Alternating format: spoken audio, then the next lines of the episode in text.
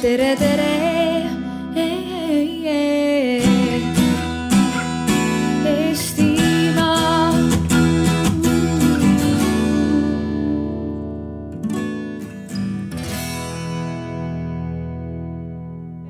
Äh,, hakkame vist pihta, sest tegelikult on juba mõned minutid äh, algusajast üle läinud, aga, aga enam-vähem vist kõik hakkavad juba saabuma, kes on huvitatud sellest äh, paneelist siin.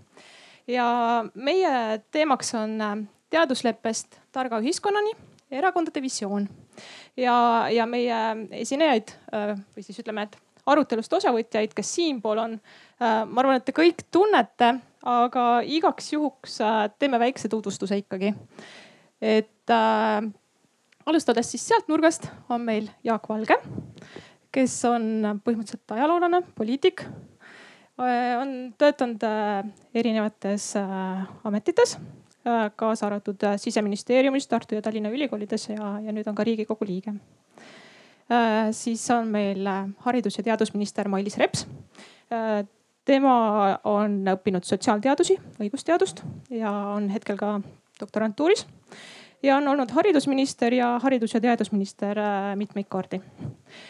siis on meil Tõnis Lukas, kellel on magistrikraad ajaloos, on ajalooline ja poliitik, haridusminister olnud, haridus- ja teadusminister olnud ja, ja nüüd on ka kultuuriminister. Maris Lauri, magistrikraad majanduses, majandusanalüütik ja poliitik, on olnud nii rahandusminister kui ka haridus- ja teadusminister. et äh, meil ongi siin äh, ajaloolased ja haridus- ja teadusministrid suuresti. Äh, Ruth Võltjar on hariduselt arst, ettevõtja ja Tartu Ülikooli nõukogu esinaine. samuti on ta Kaubandus- ja Tööstuskoja juhatuse liige ja on ka üks teadusleppe algatusrühma liige, et millest me siis räägime. ja Katri Raik, magistrikraad ajaloos töötanud doktorikraad ka, seda ei olnud Vikipeedias, aitäh skandaalne, aga seda parem. Äh, töötanud nii Tartu Ülikoolis, olnud Narva kolledži direktor, keda me kindlasti teame. Äh, haridus-teadusministeeriumis asekantsler, Siseakadeemia rektor ja, ja siseminister. kas ma jätsin midagi veel vahele olulist ja, ja üritame siis, äh, põhimõtteliselt on meil nagu natukene kaks, kaks teemat, mis on omavahel väga tihedalt seotud.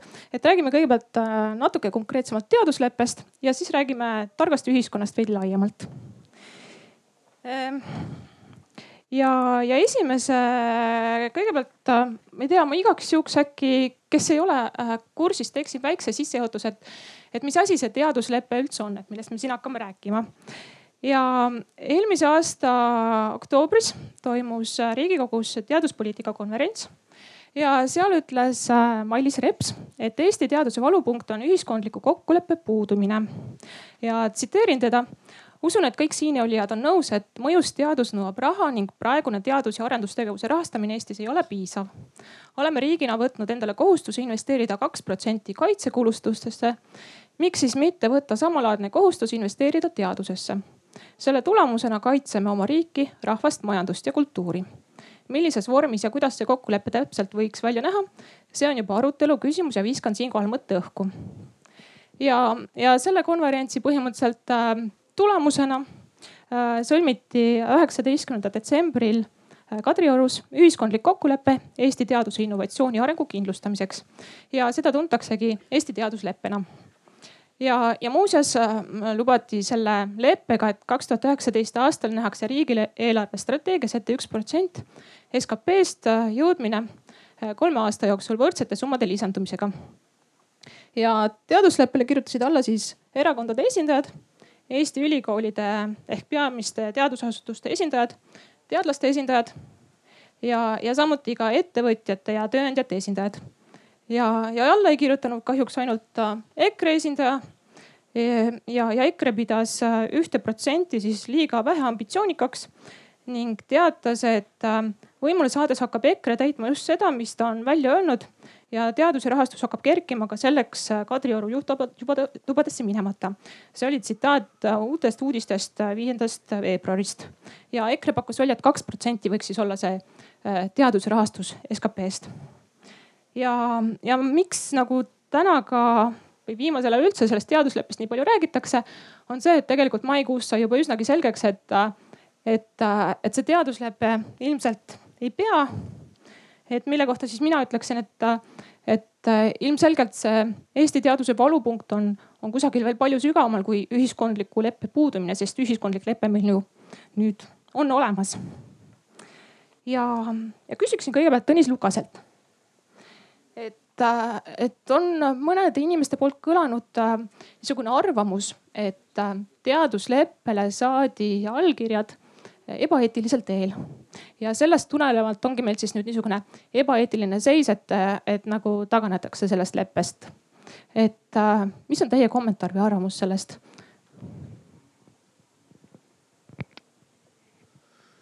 tere õhtust.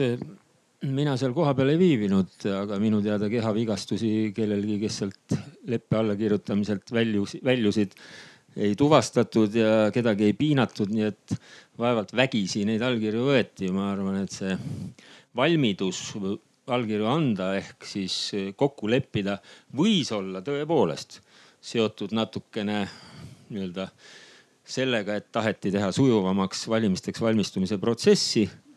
aga see ei ole tähtis, tähtis on, et lepe on alla kirjutatud. ja ma võin mürki võtta, et ka järgmise aasta eelarves kindlasti tõuseb, tõuseb nii rahaliselt ka praeguse prognoosiga võrreldes või sellega, mis, mis on eelarvestrateegiasse järgmise aasta peale kirjutatud. nii absoluutarvudes rahastamine kui ka proportsionaalselt protsendina noh, muidugi siin võivad olla erinevad teed, kaasa arvatud see, et majandusprognoos tuleb nii, nii kehva, et SKT langeb. aga kindlasti ei hakata eh, vähendama teaduse rahastamist, nii et selle, selle praeguse planeerituga võrreldes, nii et selle valitsuse jaoks on teaduse rahastamine kindlasti prioriteet ja, ja kui me siin esindame erakondi, siis Isamaa töötab selle nimel, et jõuda selle ühe protsendini SKT-st ka, ka riigieelarvelises rahastamises aitäh. Äh, küsin Rutilt. Äh, sina olid äh, teadusleppe algatusrühma liige. on sul midagi lisada, tahad sa kommenteerida? no kui sa küsisid selle ebaeetilisuse kohta, siis ma tahaks öelda, et seda leppeteksti arutati väga-väga pikka aega. ja kui on midagi ebaeetilist, siis on see, et valitsus, koalitsioon võttis vastu sellise otsuse ja tegelikult sisuliselt sõi oma sõnu või noh, võib ka öelda, et mingil määral valetas sest tegelikult töörühmad hakkasid juba siis tööle, kui see allkirjastamine toimus ja juba tehti esimesed sammud selgeks, et kuidas seda raha kasutada ja kuidas teadlust, teadust üldiselt paremaks teha. aga kas oleks olnud õigem seda lepet sõlmida peale valimisi? no ma arvan seda, et meie me ei saa elada valimistest valimisteni ja meie teadlased pea või ütleme, meie poliitikud peavad olema ausad nii valimiste eelsel ajal valitsuses olles ja ka valimise järgsel ajal. aitäh. Ähm, küsiksin järgmise küsimuse Maris Laurilt. et ähm, kui, äh, kui meil oleks teistsugune koalitsioon täna ja Reformierakond oleks koalitsioonis või oleks äh, koalitsiooni moodustanud Äh, mis, mis seisus meil oleks siis teadusleppega asi, kas, kas me siin diskuteeriksime selle täitmise või mittetäitmise üle või, või mis siis oleks? Äh, ma arvan, et diskussiooni oleks kindlasti, eks, aga vähemalt äh, meie poolt oli küll selline tunne ja me oleme omavahel seda väga selgelt arutanud ja see üks teema oligi teaduse rahastamise teema, mida me noh, peame nagu tuleviku seisukohalt väga oluliseks, et, et see oleks kindlasti tulnud rahastamise juures mis on alati küsimus ja tegelikult, kui see teaduslepet juba hakati ette valmistama, mille üle me ka omavahel arutasime, on see, et kas me suudame sellist rahastamist tagada. eks ju, et majandusolud võivad muutuda ja, ja siis läheb asi käest ära ja nagu praktikas juhtus, siis eelmise valitsusena tekitas noh nii suure puudujäägi, et noh, nüüd me siis äh, maadleme sellega ja olenemata sellest, milline valitsuse koosseis oleks äh, olnud või on, äh, tulebki selle puudujäägiga maadelda. aga valitsuse puhul on alati küsimus see, et mis seatakse eesmärgiks. ja minu jaoks on küll see küsimus, et kui sa oled ükskord sõna andnud, siis sa pead seda sõna pidama ja kui on mingid asjaolud et sa ei saa seda sõna pidada, siis äh, sa ei tee seda nii, et äh, ei, me lihtsalt ei tee seda vaid sa oled aus ja räägidki asja ära. et ja teed vastavalt võimetele. sest iseenesest need summad ei ole nii üüratu suured, nad on küll suured, ütleme nii, aga olles lihtsalt näinud äh, riigikogu tööd ja, ja, ja, ja ministrina, siis mind hämmastab alati see, et kõige suuremad vaidlused käivad kümne tuhande euro üle mm. -hmm ja kui asi läheb äh, üle saja tuhande, mhm. siis selle üle ei vaielda enam. noh, mhm. ütleme nende, nende osas nagu peaaegu vaidlusi ei toimu. et see ongi nüüd täpselt seesama küsimus, et äh, ka teaduse rahastuse küsimuses, et need ei tulnud iga-aastaselt ju mhm. noh, niisugused summad, eks. et ma... ja see nendega pealt me vaidleme. Et see on valiku, ütleme, see on niimoodi, et äh, seal on, eelarve on alati pingeline, raha on alati vähe ja küsimus ongi valikute tegemises mm. -hmm aga et siis äh, Reformierakond, äh, mille arvelt võtaks äh,? Ongi küsimus selles, et äh, siis tuleb nagu vaadata, mis on need valikud, eks mm -hmm. sõltub alati ka koalitsioonist, see sõltub eelarve seisust, eks. prioriteetide seadmisest, küsimus ongi selles, et kas jätta teha, tegemata mõned investeeringud mingisse rauda või, või mm, -hmm. või betooni mm, -hmm. eks jagada need asjad ära, vaid küsimus ongi see asi, et seal tuleb rääkida nende asjade üle aga kindlasti ei oleks olnud sellist äh, asja, et aga... ei, meil raha ei ole ja me ei tee seda. aga ma küsin nüüd äh, natukene ajas tagasi minna. et meil on umbes aastast kaks tuhat ehk siis juba varsti kakskümmend aastat -hmm. olnud mitu niisugust äh, riigi strateegiat kus on olnud kirjas et, et üks protsent äh, teadusele. et neid strateegiaid on valitsus heaks kiitnud ja, ja riigikogu vastu võtnud. et äh, ja, ja see nendel aegadel on olnud ka Reformierakond valitsuses. Äh, miks see üks protsent on alati sinna väga kaugele jäänud? ühtepidi on mul seda väga raske ütelda, sest et mina ei olnud nende otsuste tegemise juures ja. aga kes neid otsuseid teeb? ma olin teeb? tollel hetkel majandusanalüütik ja vaatasin kõrvalt mm -hmm. ja proovisin ka aru saada, miks ei tehta mm. -hmm. ja ma jagaksin äh, neid äh, erinevatesse gruppidesse, miks seda ei tehtud. Äh, üks on küsimus kindlasti valikutes, meil on alati olnud koalitsioonivalitsused ja ju siis seal nendes koalitsioonides ei suudetud seda kokkulepet saavutada mis minule isiklikult absoluutselt ei meeldi, tunnistan ausalt mm. -hmm teine asi on ilmselgelt äh, see, et tulid mingid äh, nii-öelda valusamad ja kuumemad teemad, kuhu oli vaja raha rohkem lükata. näiteks äh, kui olid siin meil Ukraina ja Gruusia sündmused, siis peale seda leiti, et Eestis tuleb näiteks kaitsekulutusi suurendada kõvasti, eks Äh, ja kolmas küsimus on see, et teaduskulutused äh, ühe protsendina SKP-s on teatavasti suhteline näitaja ja mm -hmm. SKP on väga raskesti prognoositav asi, et äh, paar korda, jah, ma ütlen niimoodi, et paar korda on ühes, aga ka kaitsekulutuste osas on läinud nii-öelda see protsendi täitmine sellepärast metsa, et reaalsus on osutunud majanduse kasvu mõttes, SKP on osutunud suuremaks aga noh, need on erinevad komplektid, nii et äh, erinevatel aastatel erinevad äh, asjaolud e,.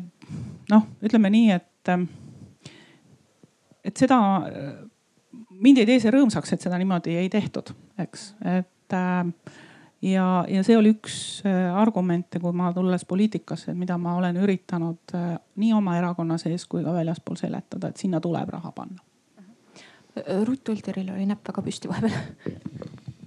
Et äh, ma tegelikult tahtsin öelda, et kaks asja, mis läks valesti, et üks, üks nendest äh, just selle ühiskondliku kokkuleppe täitmisel oli see, et kokkuleppes oli palju osapooli, alates teadlastest ja, ja, ja rektoritest ja ülikoolidest ja ettevõtjatest ja tööandjatest. et äh, otsus tehti ühepoolselt ja et oleks võinud arutada, et ja leidnud nagu teise lahenduse, et kuidas selle ühe protsendini jõuda. Ja teine oligi just see, et äh, otsustati ta hoida nagu stabiilselt null koma seitsmekümne ühe protsendi peal järgmised äh, kolm aastat või neli aastat. Ja see on see, mis võib-olla meie noortele inimestele jätab tunde, et me ei liigugi kuskile, et meil on äh, lagi ja, ja et, äh, et me sealt ei saa edasi et ta võiks olla nagu selles tõusvas joones ühe protsendi poole. Jaak Valge, just äh, miks me ei liigu sinna ühe protsendi poole, et riigieelarve on valikute küsimus? ja aitäh, aitäh küsimuse eest. mm, mul oleks võib-olla au algatuseks äh, korrigeerida natukene teie proloogis öeldud väidet EKRE kohta. ja, et ma selleks, et faktikontroll ei hakkaks ütlema, et ma olen midagi, midagi on valesti läinud, siis ma tsiteerin meie programmilist, meie programmi siin kohapeal. muudame kõrgkoolide ja teaduse rahastust ning hindamissüsteemi Eesti-keskseks ja tõstame teadusinvesteeringud kahele protsendile SKP-st. nii et meie äh, rahastuse tõus on selgelt seostatud siis meie äh, äh, teaduse äh, teaduse Eesti-keskseks muutmisega eks ju. sinna ma tahtsin jõuda arutelu teises pooles. ja mis on ka see tsitaat oli mul täitsa paberil juba. ja, ja mis on, mis siis tähendabki seda, et, et see kaks, me räägime ju kahest protsendist SKP-st, eks ole. et mis siis ja mul on väga hea meel, kui me teisel, teisel pool sinna jõuame, et see kaks protsenti siis peakski tulema eelkõige siis Eesti ettevõtjate panuse tulemusena kaks protsenti täis, eks ole. et ega praegu ka, et me räägime tegelikult sellest, et, et teaduse rahastus on kusagil, mis ta nüüd oli, null koma seitse protsenti siis on Äh, plaanitud, eks ole, aga tegelikult tuleb ju ettevõtlusest ka otse teadusele, mida te ju sinna ei arvesta kuidagimoodi. nii et võib, võimalik, et see üks protsent on tegelikult täis juba. mina küll ei pea neid erakondi välja aitama, kes selle ühe protsendi, äh, selle lubaduse andsid nagu selle väitega, aga mm, -hmm. aga see on väike korrigeerimine. selge, Mailis Reps et ma äh, alustaks algusest, et kõigepealt, mida me oleme saavutanud see ja ma ei ole üldse nii pessimistlik nagu Rutt ütles, et, et nüüd on kõik läinud, aga, aga ma, ma alustaks algusest. kõige esimene asi, mida me saavutasime, oli see, et meie unistus ja ma vabandan, et ma ütlen meie, sest ma endiselt pean ennast haridus- ja teaduspoliitikas oluliseks. et meie unistus ühiselt on see, et nii nagu on eelarvedebattides kaitseminister, kes üldjuhul viisakusest on küll ruumis, aga tavaliselt on ta vait Äh, mitte ainult sellepärast, et Jüri Luik ongi vaikne tavaliselt, vaid, vaid, vaid ta ei, ta ei pea võitlema, eks ju. et, et see on poliitilisest debatist väljas, et lihtsalt see on osa, mida arutab rahandus, noh lihtsalt aasta tagasi me olime samas kohas siin ja ma mäletan, et äh, Ossinovski tõi siin väga häid ja värvikaid näiteid, aga ühesõnaga lühidalt öeldes on see, et, äh, et sel hetkel, kui rahandusministeerium valmistab ette eelarve numbreid valitsuse kabinetiks, mis toimub näiteks sellel aastal viiendal septembril, siis ta toob sinna oma tabelid. ja kaitsekulud on seal juba tabelites ära arvestatud lähtuvalt skp prognoosist ja meie unistus on see, et teadus oleks sarnaselt äh, nii tehtud. ma tean, et sellel on olnud aastakümneid põhimõtteline võitlus härra Jürgen Ligi on olnud siin põhimõtteliselt see eestkõneleja, aga see on, see on ütleme selline valdav vaidlus, et ei tohi protsentidega kinni kirjutada eelarvet, eelarve peab olema lahti ja, ja võimalikult siis nagu läbirääkimiste osa. Ja see on põhimõtteline, mis toimus detsembris nii et ma, ma, ma ei ole üldse matuse meeleolus. see aga on alla kirjutatud. ometigi ei aita meid edasi, mulle tundub. oot, oot, oot, anna mulle üks sekund ja. veel. teine sekund, mida ma tahtsin, mida me oleme, mida me oleme saavutanud, on see, et peale seda allakirjutamist, mis järgnes, oli arutelu esiteks selle ümber, mis protsendist me räägime. ja see oli tohutu võit, et lepiti kokku äh, riiklikul tasandil ühiselt mis on see, mida me teaduskuludesse sisse arvestame ja mida me välja arvestame.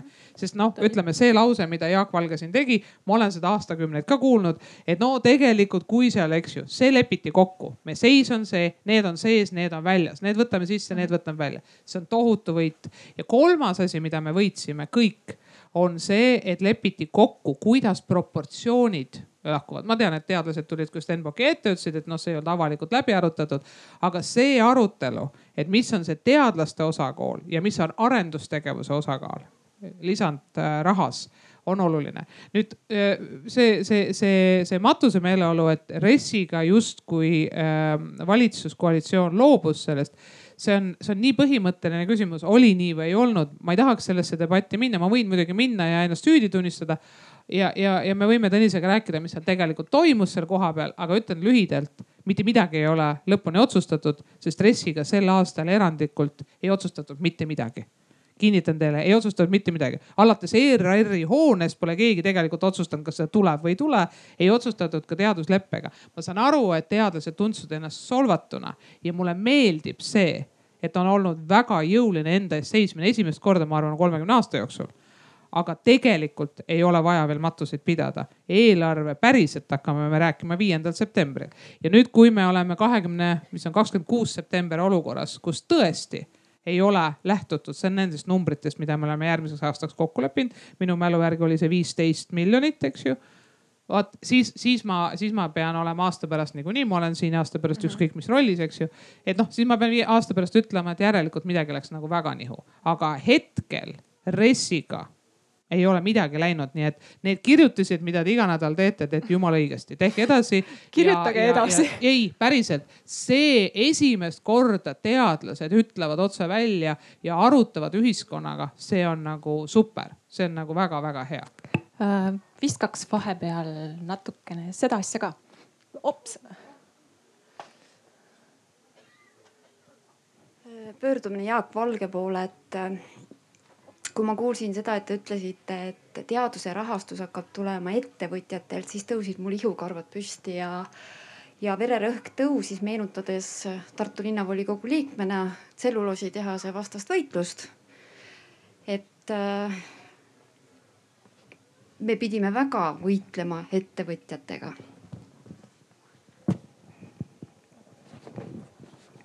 jah, kuidas ma nüüd, kuidas ma seda nüüd kommenteerin, et, et noh, et ettevõtjad ja teadlased on kõik Eesti ühiskonna osa ja kõik me tegelikult oleme ühe eesmärgi nimel ju väljas. ja küsimus on selles, et kuidas selline mehhanism kokku panna, et, et ettevõtlusele oleks kasulik siis äh, teadust finantseerida, et nad ka ise sellest äh, kasu saaksid jah, aga ega ma ei, ega minu väide ei olnud ju kuidagimoodi, et, et ma ütlen, et, et kogu see kaks protsenti peab tulema ettevõtluselt. vastupidi, et ma, minu väide on selline, et kui riiklik rahastus tuleb äh, sellise soodsa mudeli järgi, et siis on ettevõt-, ettevõtlus ise huvitatud sellest, et teadust finantseerida äh,. Rutt, ettevõtja ettevõtlus kindlasti hakkama ei saa ilma teaduseta. kõige ettevõtja jaoks kõige olulisem sisend tegelikult ongi teadus. ja aga ettevõtjal on teaduselt midagi võtta ja neid ideid saada siis, kui teaduse rahastus äh, on üks protsent. et siis hakkab oluliselt järsult kohe tõusma ettevõtjate aktiivsus ja sinna me tahame jõuda, me tahame jõuda tegelikult ju kolme protsendini, üks pluss üks pluss kaks ja ma muidugi tahaks siia öelda, et noh, näiteks sellises riigis nagu Kreekas, ma just lugesin eile, eh, on riigipoolne teaduse rahastus üks koma kolmteist protsenti SKP-st Maris Lauri ka veel ettevõtlusega seoses ma just, äh, Rutt ütles ka ära, et äh, meie suur eesmärk ju on olnud kogu aeg, et üks pluss kaks, et üks just. Äh, riigipoolselt või noh, nii-öelda avalikest vahenditest ja kaks protsenti erasektori vahenditest, ükskõik kustkohast nad siis tulevad. ja mitte ainult me ei räägi teadusest, vaid me räägime ka arendustegevusest, et nagu laiemas kontekstis, et, et kokkuvõttes jõuda ühiskonnas, terves ühiskonnas kolme protsendini, et see on ju see suurem eesmärk, mida me soovime teha mm. -hmm ja aga on teada ka seda, et, et see kaks protsenti tavaliselt pidavat tulema siis teiste riikide kogemusest, et kui see üks protsent on tulnud. noh, küsimus ongi selles, et äh, noh arendustegevus toetub teadusele ja teadus sees oma struktuuris on ju, toetub baasteadmistele ja noh, erasektor üldjuhul baasteadmisi ja baasteadust ei finantseeri, eks, et mhm. see, see paratamatult peab olema riigisektoris. kõige paremates olukordades mul on natuke kõhe tunne tekkinud, et me oleme sellest ühest protsendist jõudnud kuidagimoodi kolmeni, aga seda, seda ühte ei tule siin äh, kuidagimoodi kokku, et lõpuks ei ole ju teaduskulu, vaid on, äh, on investeering ja kui on tehtud lepe, siis tuleb seda äh, täita. Ja kui tuleb siis kuskilt mujalt kokku hoida, alati on ebapopulaarne öelda, et kust kokku hoida, seda küsimust küsitakse alati ja mina näiteks pakuksin välja, et ühistranspordi sellisel viisil hoidmine tasuta ei ole mõistlik, kui kuulata neid inimesi, kes seda ühistransporti erinevates kohtades kasutavad ja, ja kui keeruline see liikumine on. kuulasin täna just Paide inimesi, kes kirjeldasid, kuidas nad peavad sõitma Tartusse läbi Tallinna ja, ja kuidas ja Pärnusse läbi Tallinna kuidas see kõik käib. et tundub, et, et on tehtud ka mittemõistlikke otsuse, mida siis või võiks raha suunata mujale ja, ja teadusel lähekski paremini, aga selgelt selles diskussioonis on, on ju peale selle, kui mitu protsenti ja kuidas ettevõtluselt veel äh, terve hulk igasuguseid teemasid, et mis on olulisem teadus kui, kui teine teadus, kas peast baasteadus või rakendusuuringud ja kas ühiskonnateadused ja keeled on sama tähtsad kui kui infotehnoloogia, aga mm, selge on see, et, et see ühe protsendi leppe peaks olema ja võib-olla mitte ainult siis kaitsekuludes ja teaduses, vaid mõneski teisel teemal või mõnedki teised teemad peaksid olema valitsuste ülesed ja kestma, eh, kestma kauem kui ühe, kui ühe valitsuse näiteks energeetika tuleb. aitäh äh, aga ma küsiksingi nüüd äh, ka kõigilt teistelt siin ja, ja lõpuks ka inimestelt siin äh, natukene väljaspool telki, et, et mille arvelt siis võiks seda raha sinna kantida, sinna teadusesse ma arvan, et nüüd me läheme, kogu lugupidamisest, me läheme natuke nagu rappa, et küsimus ei olnud äh, me räägime viieteistkümnest miljonist, küsimus ei ole selles, et aastas, eks ju, juurde pidi tulema. et noh, kui me, kui me läheme sellesse debatti, et kas ühistranspordi dotatsioonis tasuta transpordi osa, mis, mis oli eelmine aasta kaks koma üks miljonit. et kas, et kui see nüüd ära võtta, see osa, kas ühistranspordi dotatsiooni ju ei kaota keegi ära, noh olgem ausad, inimesed tahavad edasi sõita ja ühistransport lihtsalt pileti eest ei sõida üldse. et see ühistranspordi tasuta osa, mis tuli juurde, ma vabandan vabandan, oli vist kaks koma kolm miljonit. et, et et ei, no ta ei ole ju nii, sa tead, Katri ka, et, et see raha, mida juurde tõsteti, oli ühistranspordi liinitihendus, ühistranspordikeskuste tugevdamine, et sa olid ise valitsuses tead, eks ju.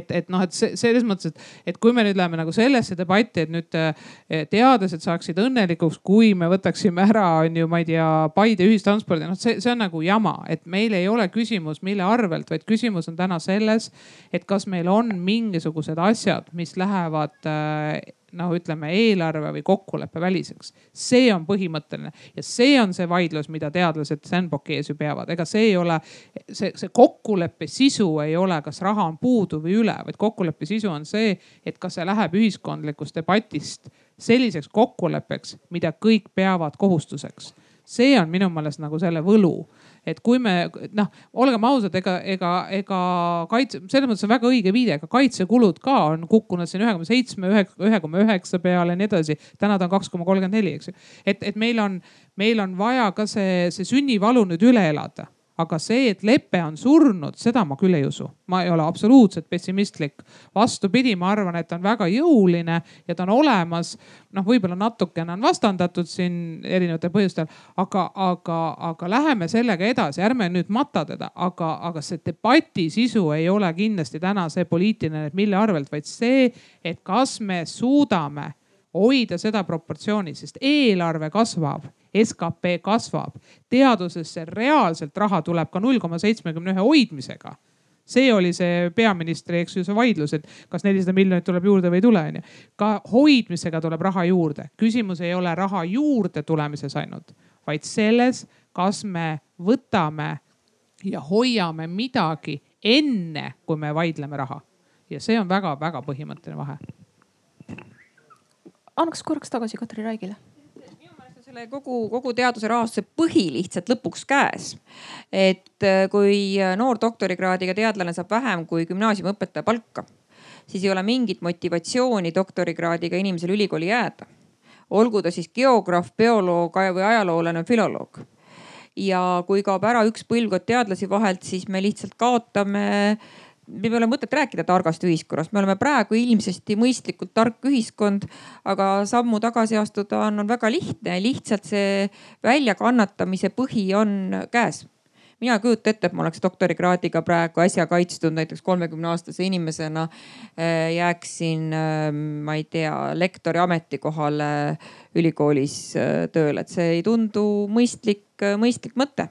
et kuskil on kannatuse piir ja see paistab käes olevat aga äkki lähekski siis edasi teise poolega, et äh, mis on üldse tark ühiskond?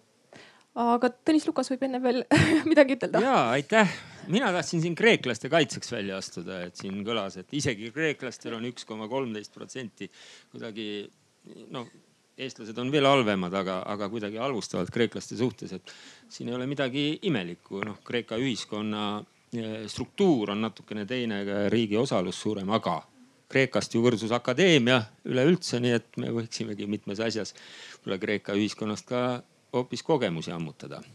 aga kui rääkida sellest proportsioonist, et mida me teeksime siis, kui eh, see lisaraha tuleb, mis tuleb see, et missuguses suurusjärgus eh, täpselt numbrites nüüd kokku lepitakse järgmiste aastate tõus. Eh, see on ka oluline, aga kokkulepe, kuidas ta siis jaotub, on ka oluline. ma ütlen oma arvamuse vaba kodanikuna. Eh, kui rääkida praegu sellest jaotusest, mis teadus arendusnõukogus kokku lepiti või räägiti, siis ma arvan, et, et see tuleks ka uuesti lauale võtta. Äh, seal oli nelikümmend pluss nelikümmend pluss kakskümmend protsendid ja mina väidan, et siiski praegusest kokkulepitust suurem osa ehk kokku kuuskümmend protsenti sellest tõusust tuleks panna ikkagi praegu juba olemasolevatesse teaduse rahastamismehhanismidesse, baasfinantseerimisse ja teadusagentuuri kaudu jagatavatesse grantidesse. Sest seal on pinge tegelikult seal on oluline pinge. me praegu ei rahasta ka tegelikult excellent, väga häid, heal tasemel teaduskollektiive. Sest seal on raha jagamisel vähe ja sealt tuleb äh, küll põhimõtteliselt baasteadusest suurelt osalt, aga siiski sealt lõpuks tuleb ka ettevõtlusesse see teaduslik tugi äh, nii et ainult no ütleme enamust panna siis erinevate projektide ja ütleme ja, ja siis ettevõtluse stimuleerimise peale ma ei, ma ei paneks. ma arvan, et põhiline tugi, mis praegu on vaja panna, on ikkagi eh, konkreetselt olemasolevatesse rahastamismudelitesse ja otse teaduse rahastamisse Rutt, sina osalesid nendel äh, koosolekutel, aruteludel äh, ja, ja tunnistan, mina osalesin ka ja tunnistan, et äh, tekkis natukene niisugune vastasseis ettevõtjate ja teadlaste vahel. sina oled ettevõtja, mida sina arvad? kuidas peaks, kuidas peaks seda raha jagama, kas see nelikümmend, nelikümmend, kakskümmend sai hästi või, või oleks kuuskümmend ja siis nelikümmend hästi või, või ühesõnaga sinu arvamus? No me arutasime ka seda neljakümne, kuuekümne varianti Kaubandus-Tööstuskojas. aga mis ma siin tahaks öelda, ma olen nagu Tõnis Lukasega selles mõttes äh, ühte meelt, et praegu teravad kohad on äh, just nimelt äh, doktorikraadiga inimesed ülikoolides, et see reform tuleks ära teha ja nendest peaksid saama nooremteadurid ja, ja nad peaksid saama ikkagi elamisväärset palka, kui me tahame, et meie noored meile alles jäävad ja, ja Eestis ikkagi teadus edasi areneb, sest meie teadusest ju tuleb ikkagi meie haridus, me ei saa tekitada olukorda, kus meil pole siin hariduses on lünk vahepeal ja kus ma veel muidugi neid pingeid väga näen, on tõesti nende grantide jagamine. sellepärast, et see grandi edukusmäär kolmkümmend protsenti võiks olla täiesti normaalne. et kui me kukume siin mõni aasta isegi viieteistkümne ja seal üheksateistkümne peale siis, ähm, siis see higi, veri ja pisarad, mis äh, iga kord ülikoolist läbi käib, on päris, päris valus vaadata. et äh, see on kõik meie maksumaksja raha, mille eest on väga-väga palju tööd tehtud, äh, millest on saadud hea tulemus ja sellega ei ole nagu midagi peale teha, et ta jääb selle lävepaku alla, kuigi töö, töö on seda väärt, et, et seda edasi viia.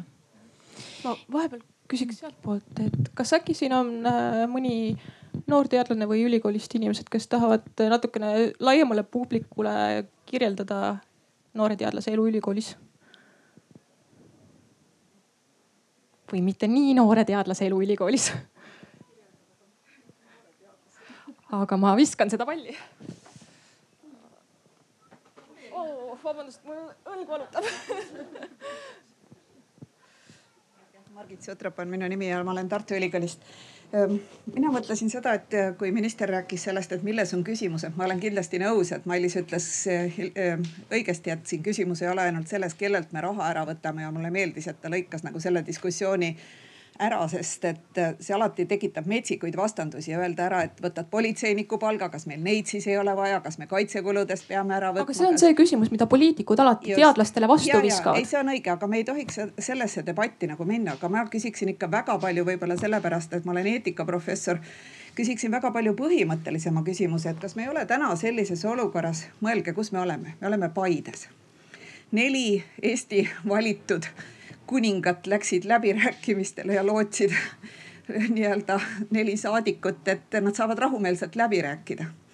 ja ka ei peetud oma lubadusest kinni, pead võeti maha, et see on eestlaste jaoks niisugune legend või niisugune nagu jutt, mis meid on, on mingis mõttes saatnud ja kas ei ole ikkagi lihtsalt väga põhimõtteline moraalne küsimus, et lubati, aga lubadust ei täideta. ma ei saa aru, mida me siin üldse istume rohkem mis asja me istume ja ikka veel arutame, et kas äkki peaks seda täitma, äkki oleks pidanud teistmoodi läbi rääkima. kui see lubadus on antud, siis mina tahaks öelda, et nüüd tuleb seda täita ja tuleb mõelda lihtsalt äh, küsida sellelt valitsuselt, kes täna peab seda eelarve läbirääkimist äh, pidama hakkama ja see on tõesti lootusrikas, nagu Mailis ütles, et seda ei ole, seda ei-d veel tegelikult äh, nii-öelda sõna eh, nii-öelda lõplikult öeldud.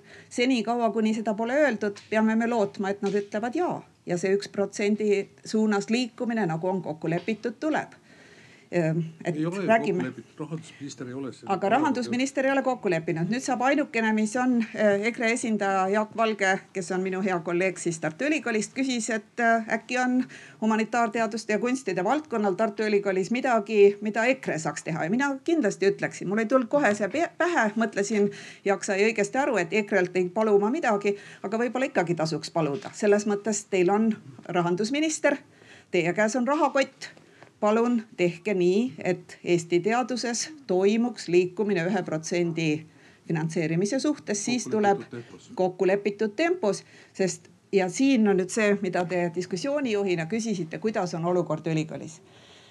ma juhin valdkonda, kus on viissada töötajat, kaks tuhat kuussada üliõpilast, lihtsalt, et seda suurusjärku teada ja ma võin väga selgelt öelda, kui me sellel sügisel kakskümmend üks august istume esimest korda oma valitsuses, omavalitsuses siis koos, kus on instituutide juhid. Nad kõik vaatavad mulle näkku ja ütlevad, see on võimatu, et me sellises olukorras saame jätkata, et rahvusteadused, humanitaarteadused kuidagimoodi saavad edasi eksisteerida ja uskuge, see ei ole lihtsalt mingisugune niisugune noh hädaldamine, vaid tegelik olukord on selline, et meie noored, mitte ainult noored, vaid ka eh, nii-öelda keskealised ja vanemad kolleegid ütlevad, me ei saa seda teadust teha, mida me teame, et Eestil oleks vaja. me ei saa uurida keelt, kultuuri, ajalugu, filosoofiat, kultuuriteadusi, eh, erinevaid pärandtehnoloogiaid sellise rahastamisega, nagu see on. lihtsalt ei saa, see ei ole lihtsalt võimalik ja me teeme kõik, mis me, on meie võimuses, aga me näeme, et Eestil jääb väga palju head teadmist saamata ja see on meie edasikestmise, meie järjekestvuse jaoks väga-väga oluline. Ja see on muidugi ainult üks valdkond, et taga seisab meil äh, teadusprorektor kes kindlasti Kristjan Vassil võib öelda, kõik reformid, mille nimel me oleme kolm aastat töötanud, mis me oleme kokku leppinud, olgu selleks siis erinevad doktorantide rahastamised, erinevate interdistsiplinaarsete projektide algatamised, teadusrahade toomine Euroopast, see kõik on õhus, see ei ole lihtsalt mingisugune niisugune teadlaste oma palga pärast võitlemine, et see võib näida niimoodi, et me oleme koos, ma ei tea, arstide, poliitikute, politseinike, õpetajatega, kõigil on palka juurde vaja. me ei räägi teadlaste palkadest, me räägime sellise rahastusega Eesti teadust, osaledes rahvusvahelises teaduses, uurides ka väga paljusid tõesti Eestile vajalikke teemasid, ei ole võimalik jätkata. palun täitke seda kokkulepitud lepet. aitäh teile. aitäh. tohib hästi kiiresti repliigi korra? hästi kiiresti hästi kiiresti repliigi korras, et ega siis riigi rahakott ei kuulu rahandusministrile, et see on nagu vale, vale arusaam. neli valitsuskogemusega inimest istub siin, ei ole nii, et rahakott kuulub äh, äh, ühe partei ühele ministrile, et nii ikka asjad päriselt ei käi tegelikult. Äh, Jaak Valge peab varsti ära minema, et äh, mitte sellepärast, et me sunniks, me sunniks teda, ei, ta lihtsalt peab aga et äh, te saate kindlasti ütelda seda, mis te tahate, sest te niikuinii räägite kõik seda, mis te tahate. aga et äh, ma, ma küsiks vahepeal, vahepeal küsimuse ka, et siis äkki saate kaks asja kokku panna et äh, te juba esimeses pooles ise jõudsite sinna, eks ole, et see Eestile olulisus, et, et minu küsimus olekski, et, et kas Eesti teadlased peaks siis uurima ainult Eestile olulisi küsimusi, probleeme ja, ja millised need siis oleksid? et kas vähiuuringud näiteks on Eestile oluline teema? Mm,? kas saab veel midagi abstraktsemalt küsida? ja loomulikult, kas, kas mustade aukude uurimine on oluline Eestile. kas mul on võimalik sellele ei vastata või kas, kas sellel küsimusel on mõtet nagu selles mõttes? aga hea küll, et ma siis katsun jah natukene rääkida, et kellel siis äh, äh, kellel siis vastu oleks sellele, et, et teaduse rahastust tõsta. aga tegelikult on probleem hoopis keerulisem ja me praegu tõesti natukene nagu keelame siin ümber nagu palava pudru, et me noh, arvamusfestivalile omaselt kuidagi väga räägime kas väga abstraktselt või siis räägime äh, pisiasjadest, eks ju. Ehm, et jah, et ma proovin siis oma selle sõnumi natukene nagu ära edastada, et mul on see pluss, et ma olen siin olijatest, vähemalt siin, siinpool olijatest noh, kõige värskema uurija kogemusega inimene, et ma, ma tean nagu selle värske rohu juure tasandilt, milles need probleemid on. ja siis on ja siis, kui ma selle kogemuse ära räägin, ühe nendest paljudest, et siis võib-olla see illustreerib ka natukene äh,. nimelt äh, et sel aastal me hakkasime teist korda kirjutama oma töögrupiga siis Eesti Teadusagentuurile personaalse uurimistoetuse taotlust. noh ja selle, see oli siis ajaloo taotlus tuhande üheksasaja kolmekümnendatest aastatest, tolle aja siis radikaalrahvuslastest ehk siis vabadussõjalastest. ja seal oli siis ajaloolastest oli rida inimesi, nendest siis kaks olin siis mina ja teine üks Eesti tuhande üheksasaja kolmekümnendate aastate ilmselgelt kõige tugevam uurija Ago Pajur. nii, ja kui me nüüd seda, seda hakkasime seda taotlust kokku kirjutama, et siis see, see läheb nüüd välishindajale, eks ole, et see on Eesti ajaloo seisukohalt ülimal määral oluline küsimus. nii, see läheb välishindajale ja, ja me pidime selle taotluse kirjutama niivõrd primitiivselt, niivõrd primitiivselt, et alguses defineerima ära, mis on Eesti, eks ole, siis kes on vabadussõjalased. see umbes tähendaks nagu seda, et kui matemaatikud kirjutaksid taotluse ja nad algatuseks defineeriksid, mis on ruutjuur, eks ju. et see tähendas siis seda lõppkokkuvõttes, et nii mina kui Ago loobusime selle taotluse kirjutamisest sellest hoolimata, et, et, et ka võib-olla meie juhendatavad on seal mängus ja nii edasi, nii edasi. et põhimõtteliselt sellise olukorra lõpetamine ja see puutub igale poole, see puutub sotsiaalteadustesse, reaalteadustesse, igale poole, et sellise olukorra lõpetamine olekski nüüd teistsuguse rahastusmudeli väljatöötamine.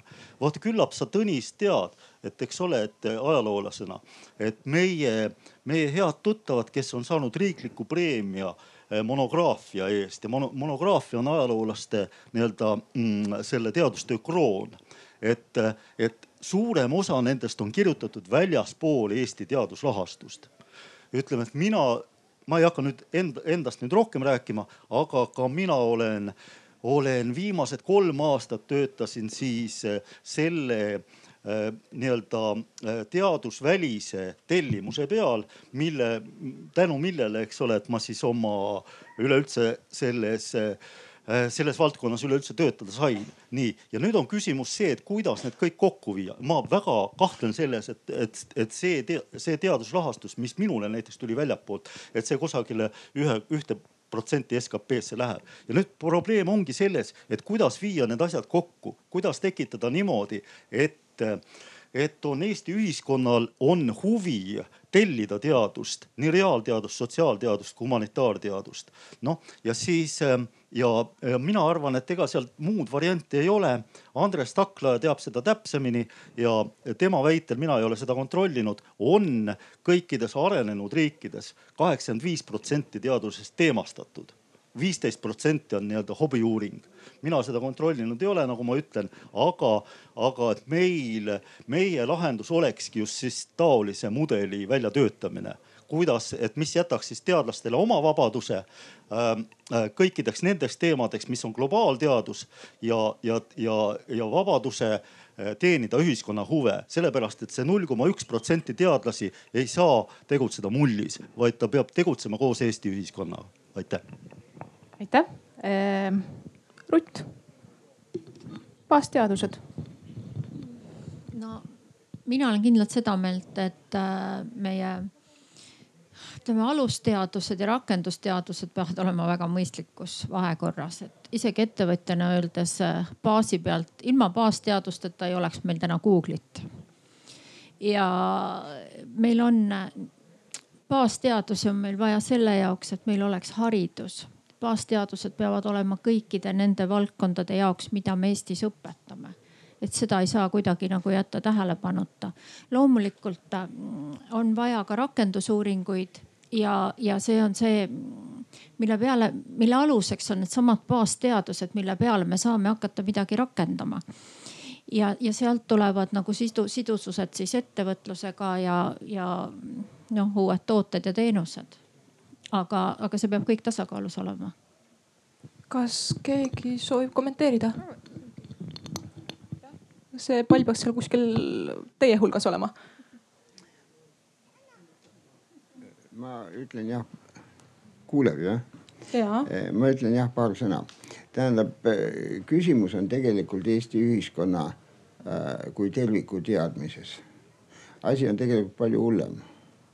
Sest äh, sellise olukorra jätkamisel meil kaovad õpetajad ära, õppejõud ülikoolis ei ole enam inimesi, kes oleksid võimeline ähm, maailma teaduse tasemel õpetama tavamagistrit. oleme ausad, ega magister ei ole teadlane. magistril on eeldus teadlaseks saada. teadlane on ikkagi doktorikraadi omaja. ja nii lihtne see on ja teine märkus, mis ma tahan öelda, on see, ei saa äh, äh, planeerida eraettevõtjale mingit summat. eraettevõtja teeb seda siis, kui see on kasulik. juhul, kui ta nüüd niimoodi, kui, kui me nüüd Eestis tahaksime nii, võtame siis äriseadustiku lahti ja äh, muudame esimese punkti ära. äriettevõtte äh, eesmärk on teenida kasumit, muudame ära. vaatame, mis siis juhtub Äh, jah, äh, annaks edasi seda palli. tänan, Urmas Sutrop. minul on selline küsimus, et äh, rakendusteadused on väga-väga tore mõiste ja humanitaarias me olime aru saanud aastaid, et rakendusteadused on tore asi. Aga haridusministeeriumis või haridus- ja teadusministeeriumis on juhtunud selline imeline asi, et seal on üks uus jumal tulnud, Frascati manuaal ja kui seni näiteks oli riiklik programm Eesti keel ja kultuurimälu, mis äh, rahastas rakendusteadusi, rakendustöid humanitaarias, siis äsja minister kirjutas alla uuele riiklikule programmile Eesti keel digitaalsel ajastul või kuidas iganes on. Ja selgub, et kõik, mis seni oli rakendusteaduse all, ei ole enam rakendusteadus, sest Frascati jumal ütleb, et rakendusteadus humanitaarias on midagi muud kui see, mida seni mõisteti ja näiteks riiklik programm jättis rahastamata nüüd kõik rakenduslikud tööd, mida on viisteist aastat selle programmi eelkäijatega tehtud, nii et ma paluks. No ükskõik, kasvõi needsamad monograafiad, millest Valge siin rääkis, nende väljaandmine, tähendab nende koostamine, toimetamine ei ole enam rakenduslik tegevus. Neid ei või selle haridusministeeriumi riikliku programmi abil enam välja anda. tohib teha ainult eh, rakendusteadust millel ei ole ühtegi rahvuslikku väljundit. et sellised asjad juhtuvad, et, et kui me räägime, et rakendusteadust humanitaarias on vaja, siis tegelikult HTM keelas praegu humanitaarias rakendusteaduse sel-, vanas mõistes ära ja mitte keegi ei saa aru, mis asi on Frascati rakendusteadus, aitäh. Mailis, tahad sa kommenteerida? sul on nii hapu nägu peas jah, eks mul ole mitu kommentaari. esimene asi on see, et, et siit juba kõlab välja kaks äh, üliohtlikku debatti. esimene debatt on see, et muidugi me võime öelda, et äh, nelikümmend, nelikümmend, kakskümmend, et võib-olla lihtsalt need, kes ei ole detailidega kursid, mida siis see tähendas. see tähendas seda et, et nelikümmend protsenti lisanduvast rahast äh, läheb baasteadusesse ehk teadlased, lihtsalt öeldes teadlased teevad seda, mida teadlased otsustavad, et nad teevad nüüd äh, kakskümmend protsenti, see, mida kõige rohkem debateeriti, oli tegelikult see, et tunnistati ühiselt, et on olemas terve rida valdkondlikke uuringuid, mida, mida tegelikult riik rahastab, mida ta jääb ka tulevikus rahastama. aga, aga noh, me peame lihtsalt tunnistama, et sinna niikuinii läheb osa raha. me, me võime öelda, et ei lähe, aga noh, päriselt niikuinii eelarves lõpuks läheb. no näiteks mingid geeniteemad, mis meil on olulised, põllumajanduses on äh, instituudid, kes, kes laiendavad veterinaarteadused, nii edasi et, et see on siis see nagu valdkondlik, aga seda ei otsusta ka noh, valdkond kuidagi ise, et nagu me teame, siis selleks on ka terved suured teadlaste rühmad, kes siis neid välja valivad. TAN arutab neid, Teaduspoliitika Nõukogu arutab ja nii edasi. et see läheb tegelikult ka noh kaudsemas mõttes, aga ta läheb otse, eks ju, lõpuks läheb ikkagi teadlastele. nüüd see nelikümmend protsenti mida mina lugesin tohutuks võiduks, ma saan aru, et Tõnis sel hetkel ei olnud laua taga ja, ja täna tundub, et võib-olla see ei ole õigustatud, me oleme seda ka väga paljude teadlastega arutanud, et võib-olla tõesti üheksateistkümne, kahekümnendal aastal siin saaks läbi rääkida, et kuna tõepoolest see arendussektor ei ole üldse valmis. Ehk siis nõndanimetatud vaidlus HTM versus MKM et siis võiks nagu MKM-il järsku teha ettepanekut, esimesel aastal see proportsioon neil ei ole nii suur, et see osa oleks nagu teadlastel suurem, sest teadlastel tõepoolest see valu ja nälg on, on oluliselt rohkem läbi vaieldud. ja see valmisolek iga lisanduv euro absorbeerida mõistlikult on, on palju suurem. aga me alustasime noh, ma ei tea, kõige käremeelsemad siin publiku juures alates, ma ei tea, härra Vassil võib kinnitada, alustasime kaheksakümmend kahekümnest siis me jõudsime seitsekümmend kolmekümneni. see, et me survestasime ära, et erasektor on nelikümmend protsenti, oli tol hetkel tohutu võit, et võib-olla me suudame täna paremini, aga sel hetkel. ja mis see on, on see põhimõtteline ühiskondlik vaidlus. et niikaua, kuni teadlased ja natuke juba siin kõlas, niikaua kui teadlased teevad seda, mida nad ise tahavad ja millele nad ei tõesta, et sellel on osa, oluline lisandväärtus ühiskonnas, siis tegelikult nii, meenutame Teadusmarssi aasta tagasi, see aasta ei olnud, aasta tagasi Teadusmarss Toompeal. Tundus väga tore. Kuni selle hetkeni, et ma astusin publiku hulka. Ja peamine asi, mida inimesed tulid mulle ütlema, oli see, ei no see on kõik hea, et sinna raha tuleb panna aga siis vaadake, et see läheb sinna, kus tuleb lisandväärtus, ehk siis see majandusmõju nostalgia ühiskonnas, et kui teadlane teeb midagi, tehku midagi mõistlikku, mis toob homme maksu seda tagasi. see on väga tugev surve, nii et see nelikümmend, nelikümmend, kakskümmend tuleb minu meelest oli nagu hea, aga, aga, aga see on olnud. Ja teine, mis on oluline debatt, mis siit juba ka kõlab, on see, et tõmbame teadusrahast, kuna seal on nälg nii suur, teeme teadusrahastamise täiesti uutele alustele teeme ta täiesti ümber, paneme sinna uued prioriteedid. noh, ma, ma võin teile ausalt öelda, et, et mina küll ei tahaks seda teha, ma saan aru, et seal on puudujääke, aga noh, see on nii suure valuga tulnud, mingilgi määral loksutatud, et seda veel korra, aga jah. ma ütleks siia omalt poolt seda, mina olen teadlane, eks ole, et äh, kui ma ise ei kirjuta iga aasta projekti, sest äkki mul on juba olemas projekt, siis äh, minu äh, järeldoktorid kirjutavad või siis minu kolleegid kirjutavad.